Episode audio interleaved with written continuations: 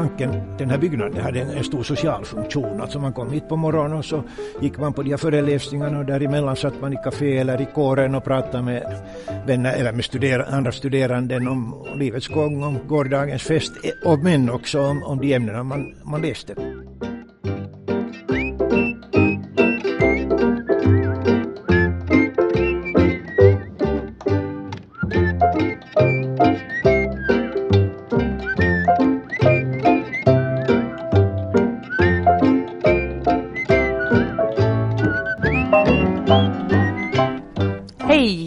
Alla lyssnare. Jag heter Karen Spens och jag är Hankens rektor och du lyssnar till vår podcast Gyllene studietider på Hanken. Och idag har vi ingen mindre än Bernt Brunov här med oss i studion. Varmt välkommen Bernt. Tack. Bernt, du har studerat vid Hanken åren 1971 till 1976. Du har efter din, studiet, efter din studietid varit mycket aktiv inom Hanken och har bland annat varit vice ordförande för Hankens styrelse.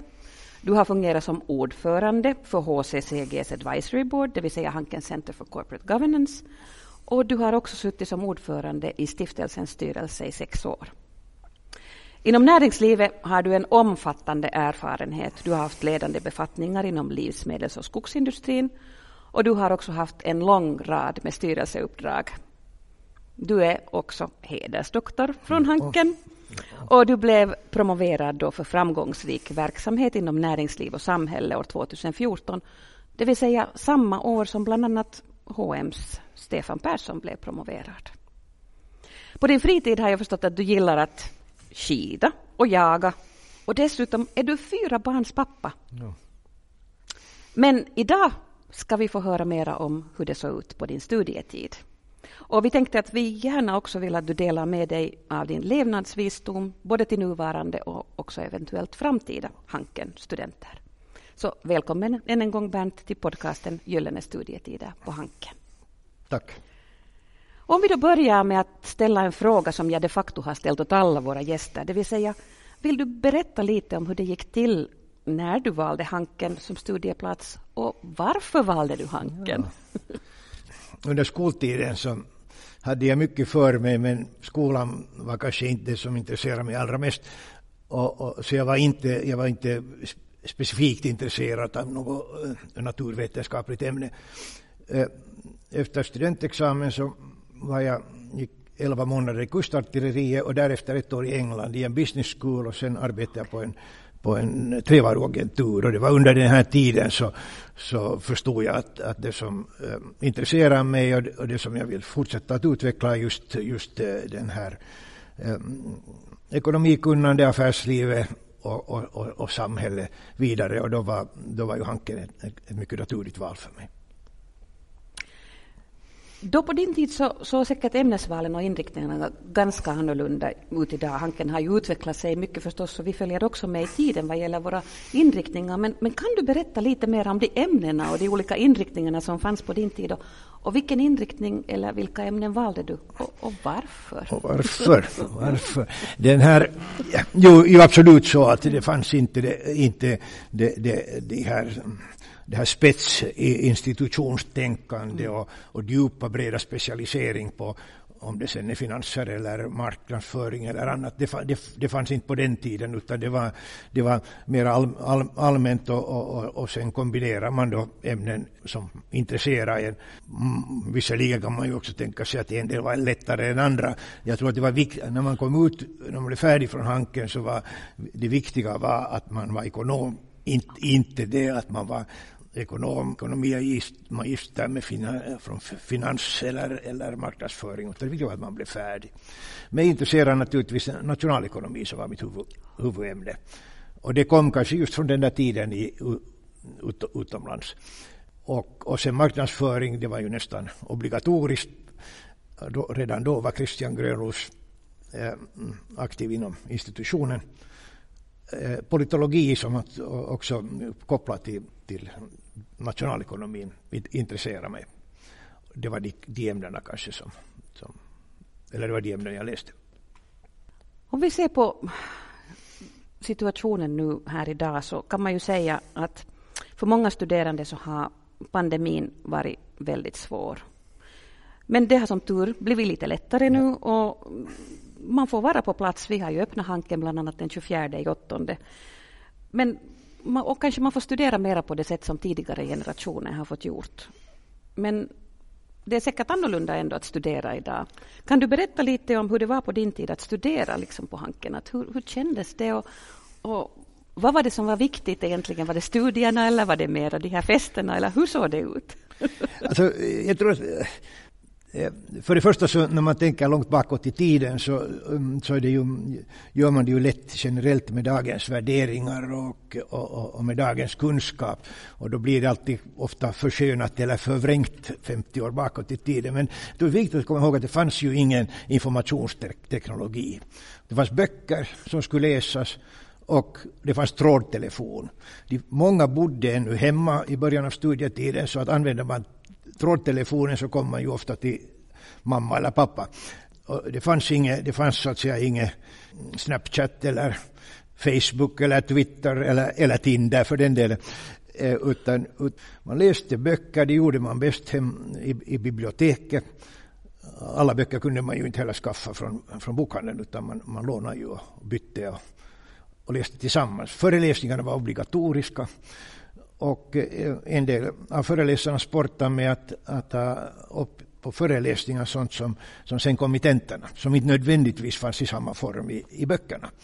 Så det gällde att göra anteckningar och, och, eller ha någon som gjorde anteckningar om man inte själv var där. Det här gjorde ju naturligtvis också att, att tanken den här byggnaden hade en, en stor social funktion. Alltså man kom hit på morgonen och så gick man på de här föreläsningarna och däremellan satt man i kafé eller i kåren och pratade med vänner eller med studer andra studerande om livets gång, om gårdagens fest och men också om, om de ämnena man, man läste.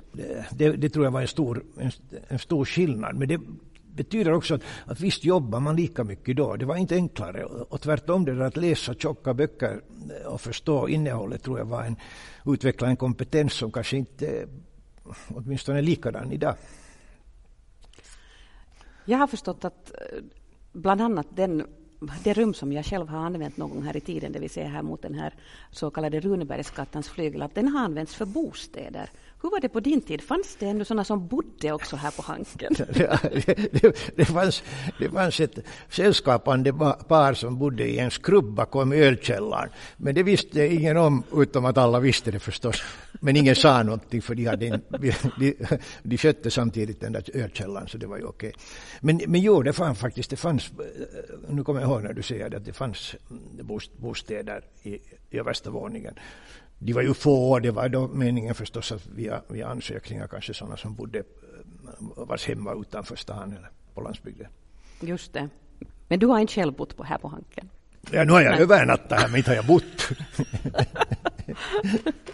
en sak som är, och som vi i dagens läge också hör, är det att hankeiterna är jättebra på att bygga upp sina nätverk. Och en del av det där nätverksbyggande händer förstås också här på Hanken. Och, och hankeiterna kanske man kan säga är kända för då, som sagt att bygga upp de här nätverken och få vänner för livet. Och ditt namn har faktiskt dykt upp här i en rad samtal med andra som har gästat vår podd. Okay. Så vill du berätta lite om dina kontakter och du har knutit på Hanken och, och vad har det betytt eller vad har de här kontakterna betytt för dig sen senare i livet? Alltså det som jag just sa om, om, om, om den här, alltså att enda, enda sättet att nätverka och, och var att vara, vara fysiskt, alltså fysisk närvaro här, här på Hanken, det gjorde naturligtvis att det, att det uppstod vän, starka väns, vänskapsband eh, mellan likatänkande eller sådana som hade, kunde ha roligt på, tillsammans på samma sätt. Eventuellt redan var från, bekanta eller vänner från skoltiden. Eh, och, och och, och, där hade ju också de Hankens eh, sociala tillställningar och fester hade den här funktionen. De hade en, eh, de hade en viktig social funktion. Och, mm, och, de, och, den vägen, jo, det stämmer när du talar om mina, du nämnde två icke särskilt intellektuella intressen, att jaga och skida, men det är okej. Okay. Så är det med vänner från gamla studiekamrater från Hanken jag gör det. Sen, sen är det också, det här med vänskap tror jag är viktigt ur det perspektivet att, att, att i, i karriären så träffar man ju mycket människor som man upplever att man är vän med. Men sen visar det sig att det egentligen är vänskapen, den gemensamma nämnaren är jobbet. Och den försvinner, de vänskap, vän, vännerna försvinner ju sen. på olika håll, men de här från studietiden så, så de är så att säga utanför karriären, det är bestående. Och det finns också sen, sen när det blåser motvind ibland. Mm. Och, och det är ju mycket värdefullt. Du nämnde redan Bernt att du har sovit någon gång här över natten. Jag antar att det kanske har en anknytning till någon fest som har varit, varit här på Hanken. Men har du någonting eller någon intressant anekdot att berätta om någon av de här festligheterna här på Hanken? Visst finns det ju många eh, sådana skojiga, skojiga upplevelser, men som, som jag sa här i början med eh, dagens värderingar så tål de kanske inte alla riktigt dagsljus. Men, men den där ölkällan var ju den var ju förbjuden, men vi, hade ju en, en, en polis som var um, vaktmästare så, vid dörren så att det ordnade sig på det sättet Yliluopa. Och, och, och, sen hade man, slog man vad och så hade vi sån här streaking runt kvarteret och, och, och, vem som vann, men någon hamnade nog på polisstationen den vägen, men det var ju lätt att komma bort därifrån. Vi åkte en gång till Stockholm för att eh, vi var bjudna på Handels årsfest och då skulle vi spela ishockey med de där filurerna på Handels så de bjöd oss på en jättelunch. Och sen var det inte alls samma gäng som var sen på ishockeyplanen. Vi hölls knappt på benen, men vi hade, vi hade en överraskning med för vi hade en landslagsspelare som visserligen inte gick i hanken, men vi låtsades att han gick i hanken. Som sen tacklade i de där svenskarna, så vi var inte särskilt populära på kvällen. Men sådana glada minnen finns det hur mycket som helst. Oh. Vid sidan av festerna så kan man ju också säga sen ändå att hankiterna placerar sig i dagens läge också väldigt väl och de har placerat sig tidigare också väldigt väl i näringslivet. Om du nu funderar på dina tiderna, studietiderna, som det var du studerade, så vad skulle vara kanske det viktigaste eller de viktigaste sakerna som du tog med dig ut här i arbetslivet från Hanken? När du börjar med att säga att Hanken placerar, Hankiten placerar sig bra så ska jag börja med att gratulera dig till senaste rankingen på Financial Times. Jättefint, 55 plats. Gratulerar. Tack. Igen kopplar jag tillbaka till vad jag tidigare sa, alltså den, en helhet, och man ser också på min ämneskombination, en, en, ett, ett sätt att tänka, ett sätt att förstå omvärlden också ett, på den tiden framförallt alltså förmågan att, att söka, hitta information, söka information, och, och sen det här eh, sociala kompetensen, och då menar jag inte bara, inte här fe, bara festande, utan, utan eh, när, den tiden man tillbringar här i den här byggnaden så, så utvecklar man ju en, en, en social kompetens och byggde vänskapsband eh, som ju har hållit för livet och fick också den vägen en viss, ett visst självförtroende som gjorde det underlätta mycket att gå ut i världen så att säga och börja bygga karriär. Så som vi ofta säger i dagens läge så är utbildningen en, sats, en satsning på framtiden. Ja. Och det kan man ju säga att det har varit genom tiderna att, att ta en utbildning från Hanken har varit, varit faktiskt värd ja. att satsa på. Ja. öppnar många möjligheter. En annan sak som vi faktiskt har i dagens läge så är en obligatorisk utlandsvistelse. Men du har varit kanske lite föregångare på din tid, för du har ja. tillbringat en stor del av din tid, alltså på 1980-talet så var du utomlands, var du både i Tyskland och i England. Ja. Vad skulle du säga åt de här dagens studerande gällande hur man aktivt söker sig utomlands för att få internationell arbetslivserfarenhet och kanske också om, om utlandsvistelser under studietiden? Jag var ju aktivt med och introducerade de här um, möjligheterna för den här ut, utlandsvistelsen under studietiden. Och, och, och, den feedbacken är ju, är ju jättevärdefull. Den, fann, den, fanns, den möjligheten fanns ju inte tidigare. Men, men jag tycker det är helt avgörande. Alltså, eh, om, du, om du tittar på, på mm, eh, företagsledningar i, idag så de framgångsrika har alla varit utomlands. Och, och, det är den här, det är sånt du kan inte, alltså, det, det går inte att, att över nätet bli internationell. Det, det, det, måste vara fysiskt. Om det sen är Kina eller London eller något annat, men, men det är absolut avgörande viktigt. Eh, för mig, det här 80-talet var, var mycket spänn, det var en mycket spännande tid generellt. Alltså, de som har läst historia vet att de stora samhälleliga förändringarna i England under Margaret Thatcher och sen de sista åren före Berlinmuren föll då, när Helmut Kohl var kansler i Tyskland. Så det var alltså spännande tid att vara utomlands och för mig eh, jätteviktigt. Du har också haft många ledande positioner i både stora finska företag, bland annat UPM, Lemminkäinen och Fazer. Och, som du redan nämner så har du också jobbat väldigt mycket internationellt. Men är det någonting som du funderar nu på för framtida företagsledare? Vad tycker du att man skulle behöva tänka på mm, när man funderar på, när vi lever i de här tiderna av konstant förändring? Är det några råd som du skulle vilja ge, dela med dig åt de här blivande företagsledarna? Låt mig koppla med en mening tillbaka till vad vi talade ja. tidigare. Alltså, du nämnde mina fyra barn. Mm. De är alla födda under 80-talet. Och det var en mycket spännande och, och, och, viktig tid också för, ur familjeperspektiv att vara borta hemifrån, att bo, bo utomlands och skapa sin, sina, sina egna eh, traditioner och, och sitt eget familjeliv. Visserligen var det lite krävande på det sättet, att, eh, inte krävande, men, men så det var naturligt för mig att inte börja spela golf under veckosluten eller sånt, utan vara hemma för att familj, det fanns inte sen så mycket annat utanför familjen. Men det var, det var eh, ur det perspektivet också jättevärdefullt. Sen kom vi hem till Finland och, och sen studerade, gick barnskola här och en här i Hanken. Eh, så det kopplar ännu till den där tiden utomlands så där ur ett familjeperspektiv. De här råden till framtida företagsledare. Jag ser ju, jag ser ju idag en, en, den här trenden att, att, att många är fascinerade av av investment banking eller konsultvärlden för att eh, där kommer, kommer, kan man komma som ung snabbt framåt. Visserligen är det slavarbete och karriärsmöjligheterna är sen sist och slutligen begränsade. Men, men snabbt får, förtjänar man hyggligt med pengar men man jobbar dygnet runt och tyvärr ser man ju också sådana som inte klarar av den pressen. Sen, sen finns den här fascinerande startup-världen som ju är, är, är enormt viktig alltså. Men men hur många startup flyger, det, det är kanske ett på hundra eller, eller kanske två på hundra. Men, men det är jättelärorikt. Men, men man kan inte heller bygga en långsiktig framtid kring den världen. Synlighet får ju fram, alla de som har framgång, ingen synlighet för misslyckandena trots att de är många fler. Och då, är, då, då är alltså mitt, mitt, mitt, mitt råd är det att gör, när ni kommer ut härifrån, ha roligt, gör precis det ni vill, men passa på att, att äh, ni, ni, kommer att vara tvungna att arbeta i 50 år. Någon sån pension vid 60 års ålder kan ingen räkna med. Och, och, och den karriären, ska, ska man, den planen ska man bygga, bygga upp så att man har kvalitet både i, i karriären och naturligtvis i, privat vägen till, till företag, ledarskap. Ledarskap är ju inte någonting som man kan inte rikt, man kan lära sig det i teorin, men man kan inte ärva det, som en del familjeföretagare tror. Utan det kommer med, med erfarenhet. Och vägen är rätt lång. Mycket tillfredsställande om man har den ambitionen. Ledarskap betyder ju naturligtvis också att man, man, det finns tider där man är ganska ensam som ledare och måste fatta också svåra beslut.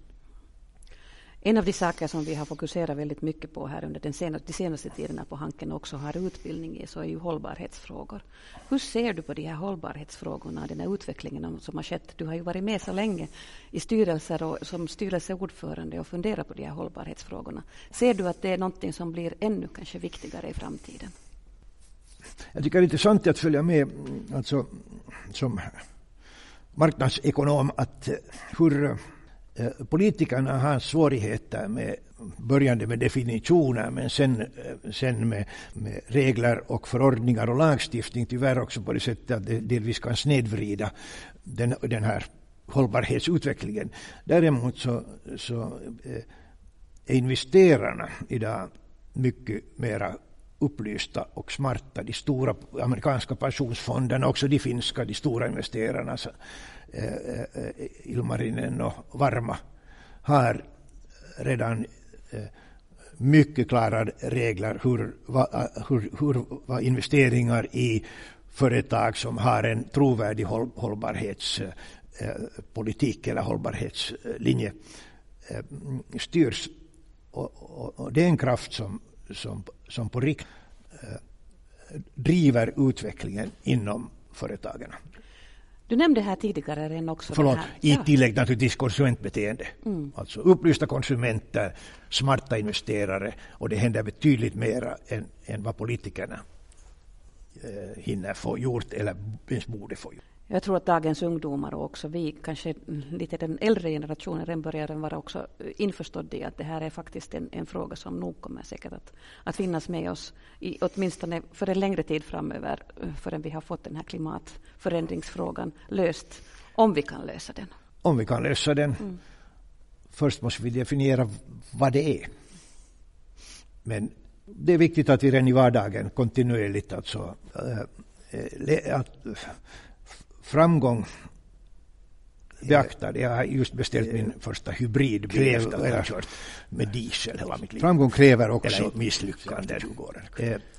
Som många av oss funderar på. Om man inte har, hur, hur, ska vi, hur, hur ska ribban tillräckligt högt, inte, inte har en tillräckligt hög ambitionsnivå, så, så har man inte framgång. På den, och, på den och, den här, och lägger man ribban så att man, om vi nu går tillbaka till dina erfarenheter, att, så, så, att man så, inte så har någon motgångar.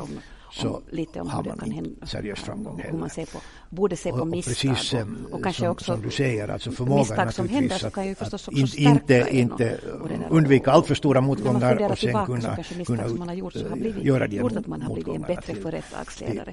Finns det någonting sånt som du kan relatera till, som du har funderat på? Att då när det hände så var det, det svåraste, det trevligaste som hände, men senare har man kunnat lyfta upp det till en styrka. Är människor, alltså när man, när man eh, rekrytera, välja människor eller trä, får, har människor i sin organisation och intuitionen säger att det där blir inte bra. Och sen, men vi ska ännu försöka och sen blir det bara sämre och då har man gjort illa åt den här personen i fråga. Den här tröskeln att, att säga att, någon, att du är en bra, bra person på fel ställe är, är speciellt yngre och för hög och så märker man ett år, två år senare att, att, att nu har man gjort illa. Och, och, och då, och då, eh, men med åren så, så eh, har man sig mera självförtroende, eh, litar mer på sin intuition och förstår hur man ska hantera människor också i kritiska situationer så att, så att man inte gör skada. Och det, där finns det, har jag en del exempel som bara förargar mig.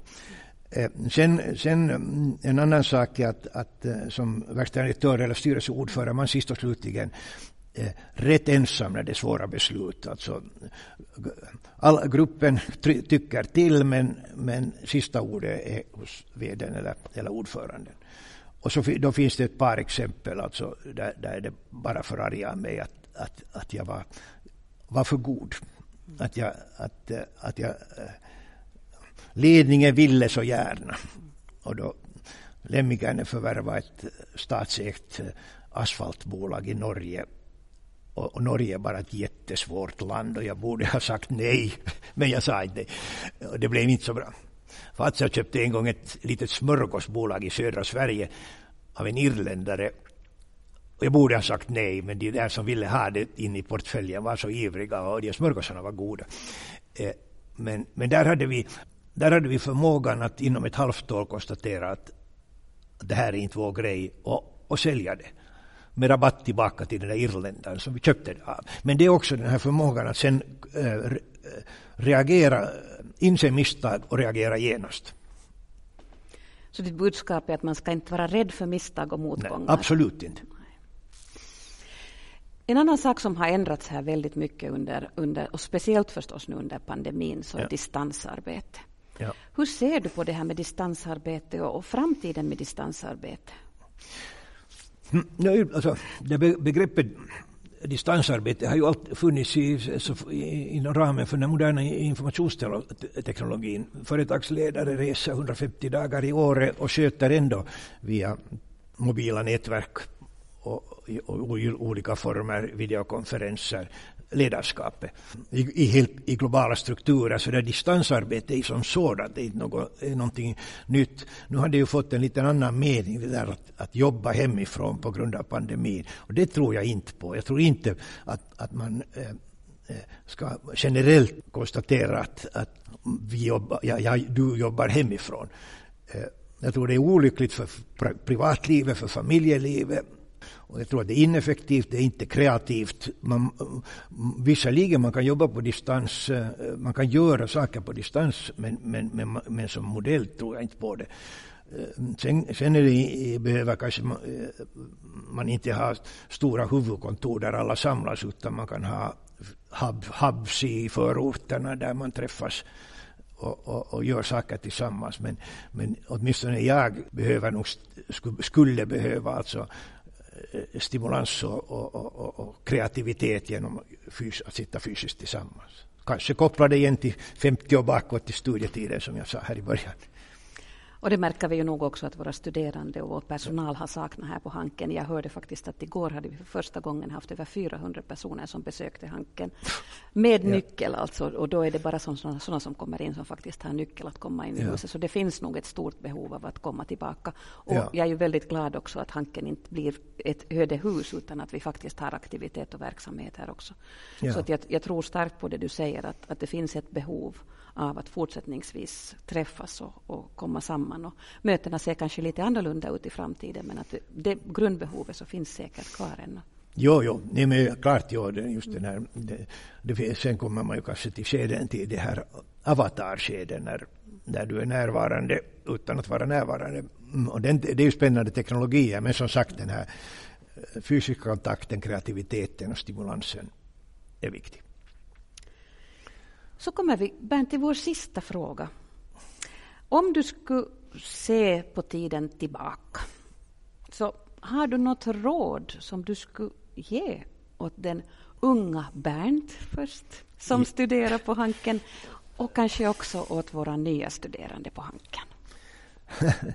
ja, alltså om vi går tillbaka till, till när jag studerade så, så det var ju mycket omvälvande tid, alltså slutet 60-talet in i 70-talet. Du kan ta det från Woodstock till ABBA eller ta det från, ta det från eh, student, eh, Nalle ockuperade studenthuset och, och, och, också det som hände i Paris, eh, studentrevolutionen, sådär, sådär, och, en sorts frigörelse för ungdomen från gamla traditioner. Samtidigt hade vi föräldrar som var födda i, alldeles i början av av århundrade så att, som, som hade kanske lite, ganska begränsad förståelse för de, de, stora förändringarna. Så att, så att man fick inte... Man tog ofta avstånd från kloka råd hemifrån. Utan när jag tänker bakåt så, så skulle jag antagligen ha varit betjänt av en, en, en både i, i, slutet av skoltiden och, och i hanken av en, en, en starkare sån här coach-rådgivningsfunktion då. Eh, I skolan fanns det någon form av kurator, men dit gick man ju inte, och, åtminstone inte i typ pojkskola. Och, och, och, så satt i hanken så, så var det inte, det fanns, det fanns inte, inte riktigt, den rektorn hade man enormt mycket respekt för här man bugar när rektorn kom traskande. Och, och, så, så, det, så, så det är en sån här poäng och där tror jag att, att, att det har skett mycket och, och, och där uppmuntrar jag också studerandena nu, att, studenterna nu att, att, att, att utnyttja möjligheten att på riktigt ha bra dialoger med sina professorer och, ha, och, och, och också med andra stödfunktioner här i Hanken så att man kommer på rätt spår och också lär känna sig själv. I dagens läge så erbjuder Hanken väldigt mycket studievägledning. Vi har också haft nu under pandemitiden har vi haft en studiecoach och till och med haft en psykoterapeut som jobbar med oss också ett år framöver i tiden. Jag tycker det är ett fint råd Bernt du ger åt våra studerande att använda er också av de möjligheterna som, som vi har att erbjuda. Ja, inte, inte bara om, när man har problem utan, utan bara som en del av en, av en helhet för då hjälper man också eh, de funktionerna att utveckla sig själva jag tror att det här är väldigt värdefullt, värdefullt råd åt våra nuvarande studerande och också kommande studerande. Tusen tack ska du ha Bernt för den här diskussionen och tusen tack för att du har gästat Gyllene studietider på Hanken. Tack ska du ha.